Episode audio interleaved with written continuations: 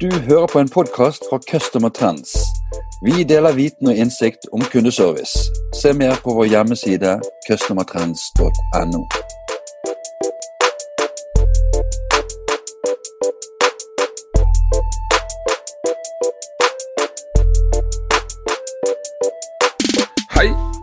velkommen til en ny kundeservice-podkast. Mitt navn er Bjarte Lysland fra Customer Trends. I dag skal vi snakke om rekruttering og hvordan man rekrutterer riktig. Og det er en stor glede for meg å ønske velkommen dagens gjest, Trude Skarstem Phillips, som er rekrutterer og karriereveileder i Jobbson. Velkommen, Trude. Tusen takk, Bjarte. Veldig kjekt og spennende å få være med og, og delta eh, hos deg med et tema som engasjerer mange, og som jeg brenner for. Ja, det kan jeg tenke meg. Hva, hvordan står det til med deg i dag? Jeg har det veldig bra. Det er strålende solskinn ute. Og i jobbsammenheng så er det veldig god aktivitet, og vi merker veldig en sånn generell optimisme nå i forhåpentligvis på slutten av en langvarig pandemi. Skulle vi starte Trude, med at du fortalte litt om, om deg selv og om Jobzone? Ja, eh, rollen min eh, som rekrutterer og karriereveileder i Jobzone Norge eh, Organisasjonen som jeg representerer, er det største bemannings- og rekrutteringsbyrået i Norge, altså norsk, og har 43 avdelinger fra sør til eh, nord. Den største omsetningen vår er utleid eh, medarbeidere. Um, og i tillegg så gjør vi en god del rekrutteringer til ulike stillinger. Og det som kjennetegner virksomheten vår, det er at den er utpreget kundeorientert, kundedrevet. Og det er i den forstand at vi har to Altså vi pleier å si to helt likeverdige kundesider. Vi har potensielle arbeidsgivere og selskap som leier menneskelige ressurser av oss. På den andre siden så har jo vi alle medarbeiderne som vi leier ut, og alle kandidatene som vi har i prosess som òg er en like viktig kundeside for uh, Jobzone. Og Trude, da, hvordan havnet hun inn i denne bransjen? Ja, det Den gang en litt sånn, hva skal jeg si, kanskje smertefull erfaring, men en erfaring som stadig blir uh, vanligere, og som veldig mange har opplevd, og som veldig, veldig mange flere vil oppleve fremover. Jeg var i en sluttpakke den gang i et datterselskap av Gjensidige, midt i en finanskrise, og hadde en tro på at det skulle være ganske enkelt å skaffe seg jobb. Det var det ikke. Så jeg banket veldig mange av disse dørene til de ulike rekrutterings- og bemanningsbyråene. Skal ikke gå så mye inn på akkurat det, men tok med meg en erfaring inn i Jobzone, hvor jeg litt sånn tilfeldigvis havnet. Som jeg opplever veldig verdifull, at jeg har den med meg inn i rekruttererrollen. Og Hva handler det om, da? Ja, hva handler det om? Det handler først og fremst om å se kandidaten og forstå rollen sin. Det som jeg var inne på innledningsvis, dette med å erkjenne at som rekrutterer i et byrå, så har du to helt likeverdige, men veldig ulike kunder. Jeg kan komme litt nærmere inn på det når vi går inn på selve prosessen. En erfaring jeg hadde, var jo at jeg tror alle de som jeg traff på de ulike byråene, fortalte meg at det var veldig hyggelig å treffe meg, at jeg gjorde et veldig godt inntrykk. Men så plutselig ble det veldig stille. Så, så, dette de sa mens jeg tok farvel og gikk ut døren Du hører fra oss. Nei, men jeg hørte jo ingenting. så, så, det er jo Og det skal man jo òg huske på i en rekrutteringsprosess. At som en rekrutterer så skal man òg ivareta en merkevare. I tillegg selvfølgelig til kandidaten du, du møter.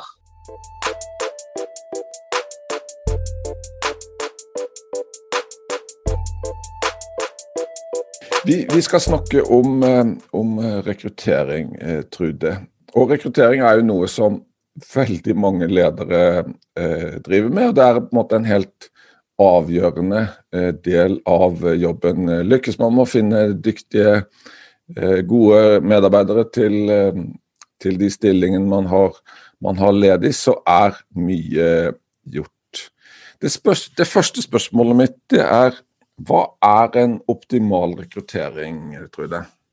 Ja, det er jo veldig mange elementer som inngår, og rekruttering er jo òg et fag. Det som, er, som, er nummer én, det er det at man nullstiller. Ofte så er det jo slik at uh, det er en som har sluttet i, i, en rolle, at man har behov for en ny person i, i en rolle. Ja. Um, og behovet er jo angitt på organisasjonsnivå. Uh, man representerer et, en organisasjon som befinner seg i et uh, marked, som også skal levere noe. Og denne rollen skal jo levere i organisasjonen. Og Det som er viktig her, er at man tenker fremover. Denne rollen skal levere i organisasjonen frem i tid. Framtid, det er ikke så enkelt lenger å definere. Men å ha en tanke og en gjennomgang på hva tenker vi er viktige kompetanser for denne rollen fremover? Er det noen utfordringer vi ser? Det kan være konjunkturer etc. Altfor ofte så er man opptatt av å erstatte en person.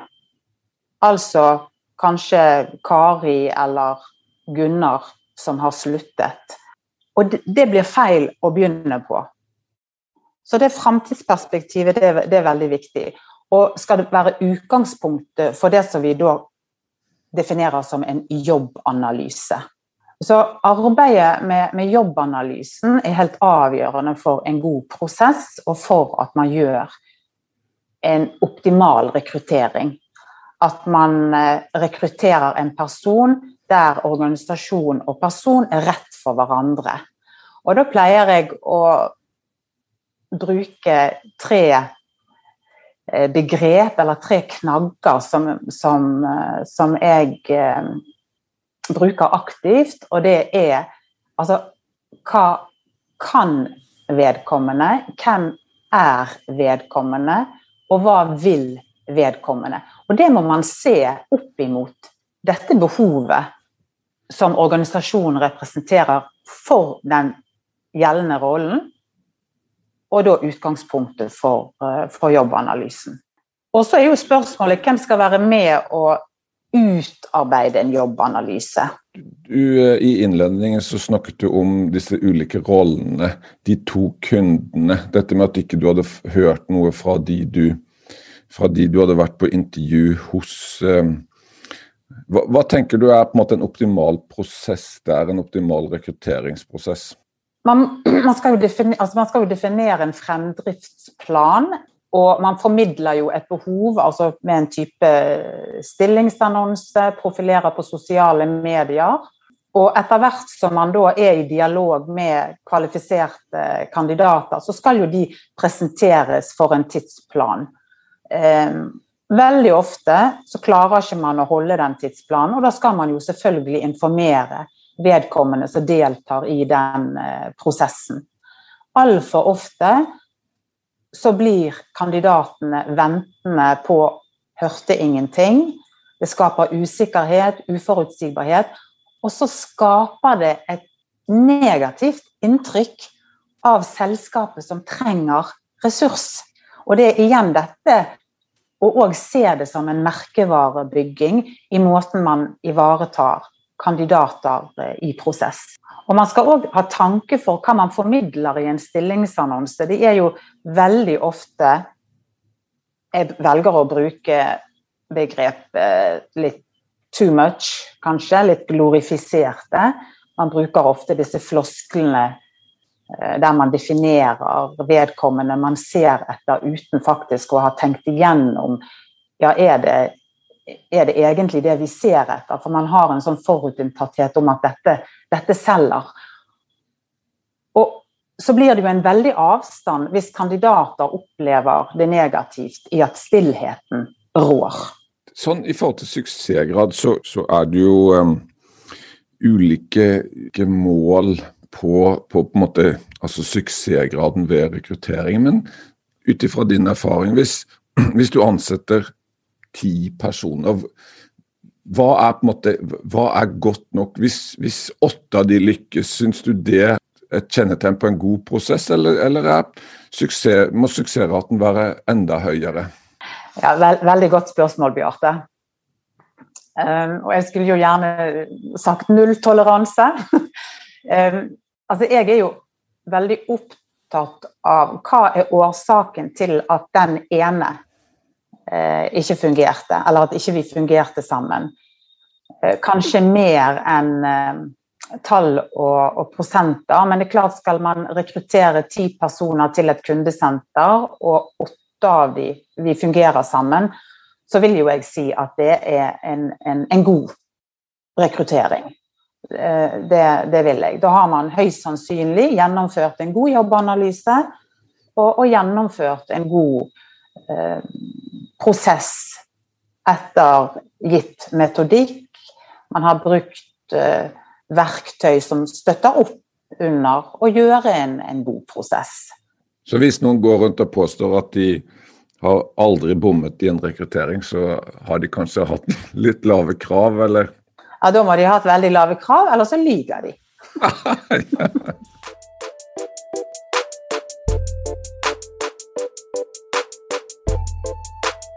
Trude, jeg uh, utfordrer deg til å, til å dele uh, av, din, av din, erfaring. Og, og spørsmålet er hva er dine beste råd til ledere som, som skal ut og rekruttere? Ja, de beste, de beste rådene Det er jo Jeg tenker en viktig ting er igjen dette som jeg nevnte innledningsvis, altså dette framtidsaspektet. Ja. Eh, som prøver å nullstille og tenke frem i tid. Altså hva utfordringer er det vi har? Altså historie vil alltid være historie, selv om det selvfølgelig er med å gi verdifull erfaring. Og så er det jo å unngå disse fallgruvene. Og, og være seg bevisst. Og troen på denne magefølelsen. Vi er bare mennesker, og all forskning tilsier at vi ubevisst søker etter likheter, ubevisst sant? Man har dette førsteinntrykket, det er noe man faller for, og det viser seg at det veier tungt i skålen når man skal avgjøre. Så, så, så dette er viktig å, å, å tenke over, reflektere over og være så bevisst man, man, man kan. Og så er det å tenke utradisjonelt. Tenke mangfold, og da mener ikke jeg bare altså Vi snakker om kulturelt mangfold, ulike nasjoner, men ulike aldre. Altså å se hvordan eh, seniorer og juniorer kan utfordre hverandre, og i det så er det jo en veldig god utvikling. Og framtid betyr jo òg et perspektiv som har med velferdssamfunnet vårt å gjøre. Altså 50-åringen i dag, jeg som er 55, jeg må jo i hvert fall jobbe til jeg er 75. Altså, og det gjør jo noe med at vi både er med å forme arbeidslivet, men selvfølgelig at arbeidslivet er med å, å, å forme oss. Så, så, det tror jeg er viktig at ikke man at ikke man eh, har eksempelvis et stort kundesenter, og så er det bare 25-åringer der. Fordi de kanskje ikke jobber der så lenge. Ja, men kanskje man da skal tenke at vi får inn noen seniorer som er kjempedyktige, og som ønsker å være der kanskje til jeg blir pensjonist. Og, og der tror jeg mange ledere har, har en del å, å, å, å, hente. Så er det dette med hull i CV. Det, og jeg kjenner meg selv, jeg sitter og sorterer CV-er Men jeg har lært meg å være nysgjerrig på disse avvikene. Hull, ok, hva ligger i det? Veldig ofte så ligger det et enormt eh, mestringsnivå eh, hos disse som har en litt bråkete bakgrunn. Ja. Men jeg kom tilbake. Og så er det bruk av støtteverktøy, testverktøy, og i det å bruke fagfolk i den grad du, du, har det i virksomheten din. Det er jo ikke alle som har HR-avdelinger, men jeg tenker som leder så er du så presset på mange områder. I hvert fall at du diskuterer med, med kolleger, andre ledere, men òg kanskje kolleger som denne nye rollen skal være kolleger sammen med. Bruke òg dette med arbeidsprøver, man kan eh, ha medlytt, man kan ha ulike case som, som, vedkommende gjør i, gjennom prosessen. Du, du, vi snakket om dette med, med, med førsteinntrykket. Hva, hva gjør du som, som, er på en måte erfaren rekrutterer? Hva, hva gjør du av, av, tiltak i forhold til ditt eget første altså ditt eget førsteinntrykk eller din opplevelse av, av kandidaten? Og igjen et veldig godt og utleverende spørsmål, Bjarte. For jeg som alle andre er forutinntatt. Jeg danner meg et bilde av en person jeg leser en CV, når jeg snakker med vedkommende i telefonen, og ikke minst når jeg møter vedkommende. Nå får jo ikke vi ta hverandre i hånden, men når vi møtes på skjerm eller møtes fysisk, så er det jo noe med at jeg etter hvert er jo så bevisst på det at til en viss grad så klarer jeg å være noe nøytral og, og, gi møtet og prosessen den sjansen vedkommende um, fortjener. Én ting som jeg vil anbefale, det er jo å ikke google vedkommende på forhånd. Jeg vet det er veldig vanlig. Jeg gjør det overhodet ikke. Og det mener jeg har å gjøre med å være profesjonell. Ja. Jeg skal gjerne gjøre det i etterkant, men aldri før jeg eh, møter vedkommende. Og så er det jo å gi vedkommende muligheten til å fortelle hva kan du, hvem er du, og hva vil du? Altfor ofte så opplever jeg nok at man er så opptatt av å fortelle om egne behov, virksomheten, at plutselig så blir det litt for lite tid til, eh, til kandidat. Eh, og at man gjennomfører strukturerte intervju. Og det er jo et rettferdighetsperspektiv.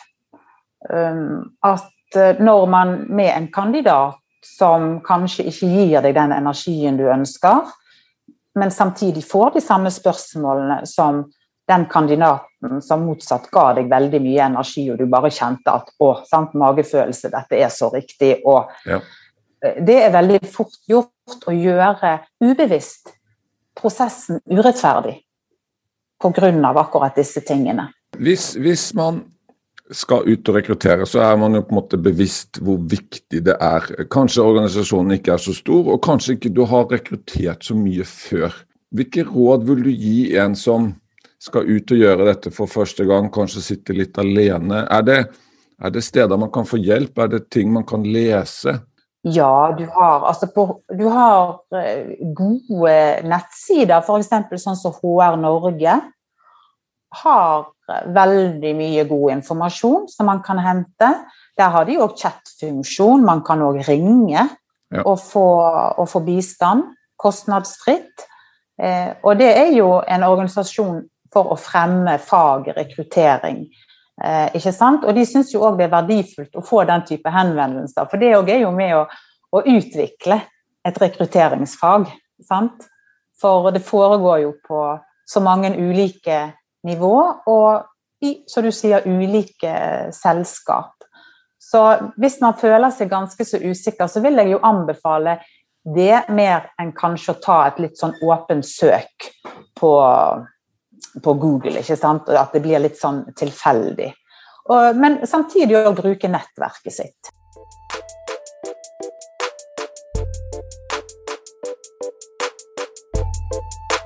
Trude, vi, vi har kommet fram til um, siste del. Um, og jeg ville spørre deg, hva, hva, tror du om arbeidsmarkedet og, og rekruttering i, i, årene som kommer?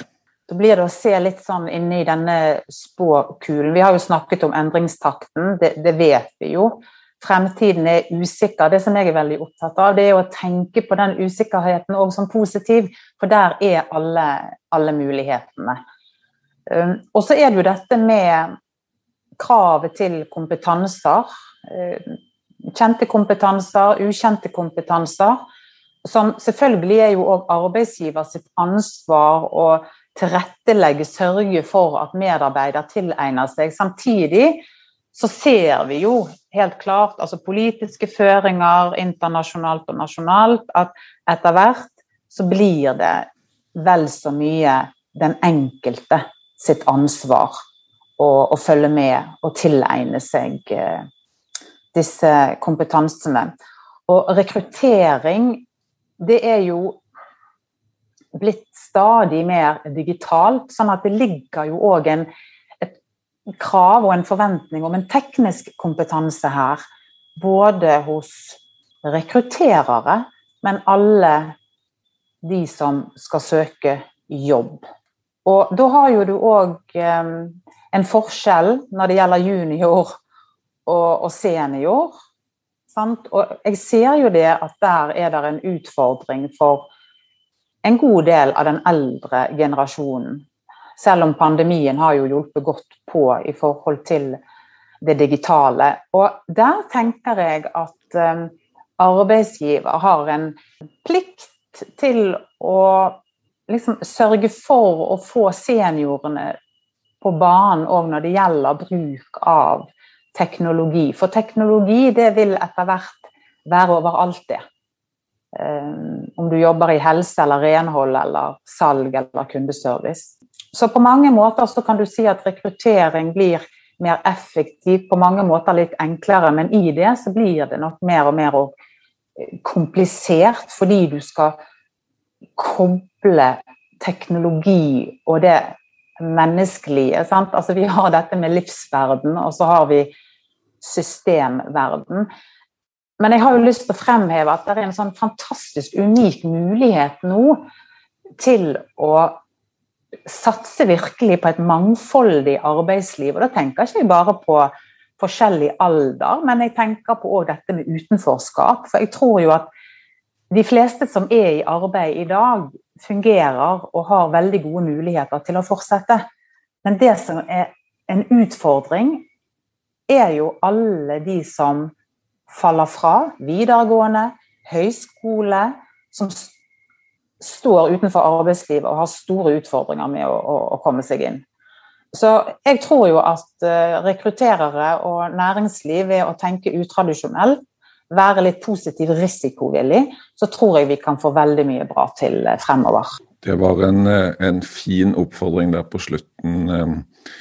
Trude. Vi har, vi har, kommet til veis ende. Jeg ville takke deg for at du var med i, i podkasten vår. Ja, og tusen takk for å få være med. Det er første gang jeg har vært med å lage podkast. Det var en fornøyelse. Ha en eh, fin dag. Det må du òg, Bjarte. Ha det fint.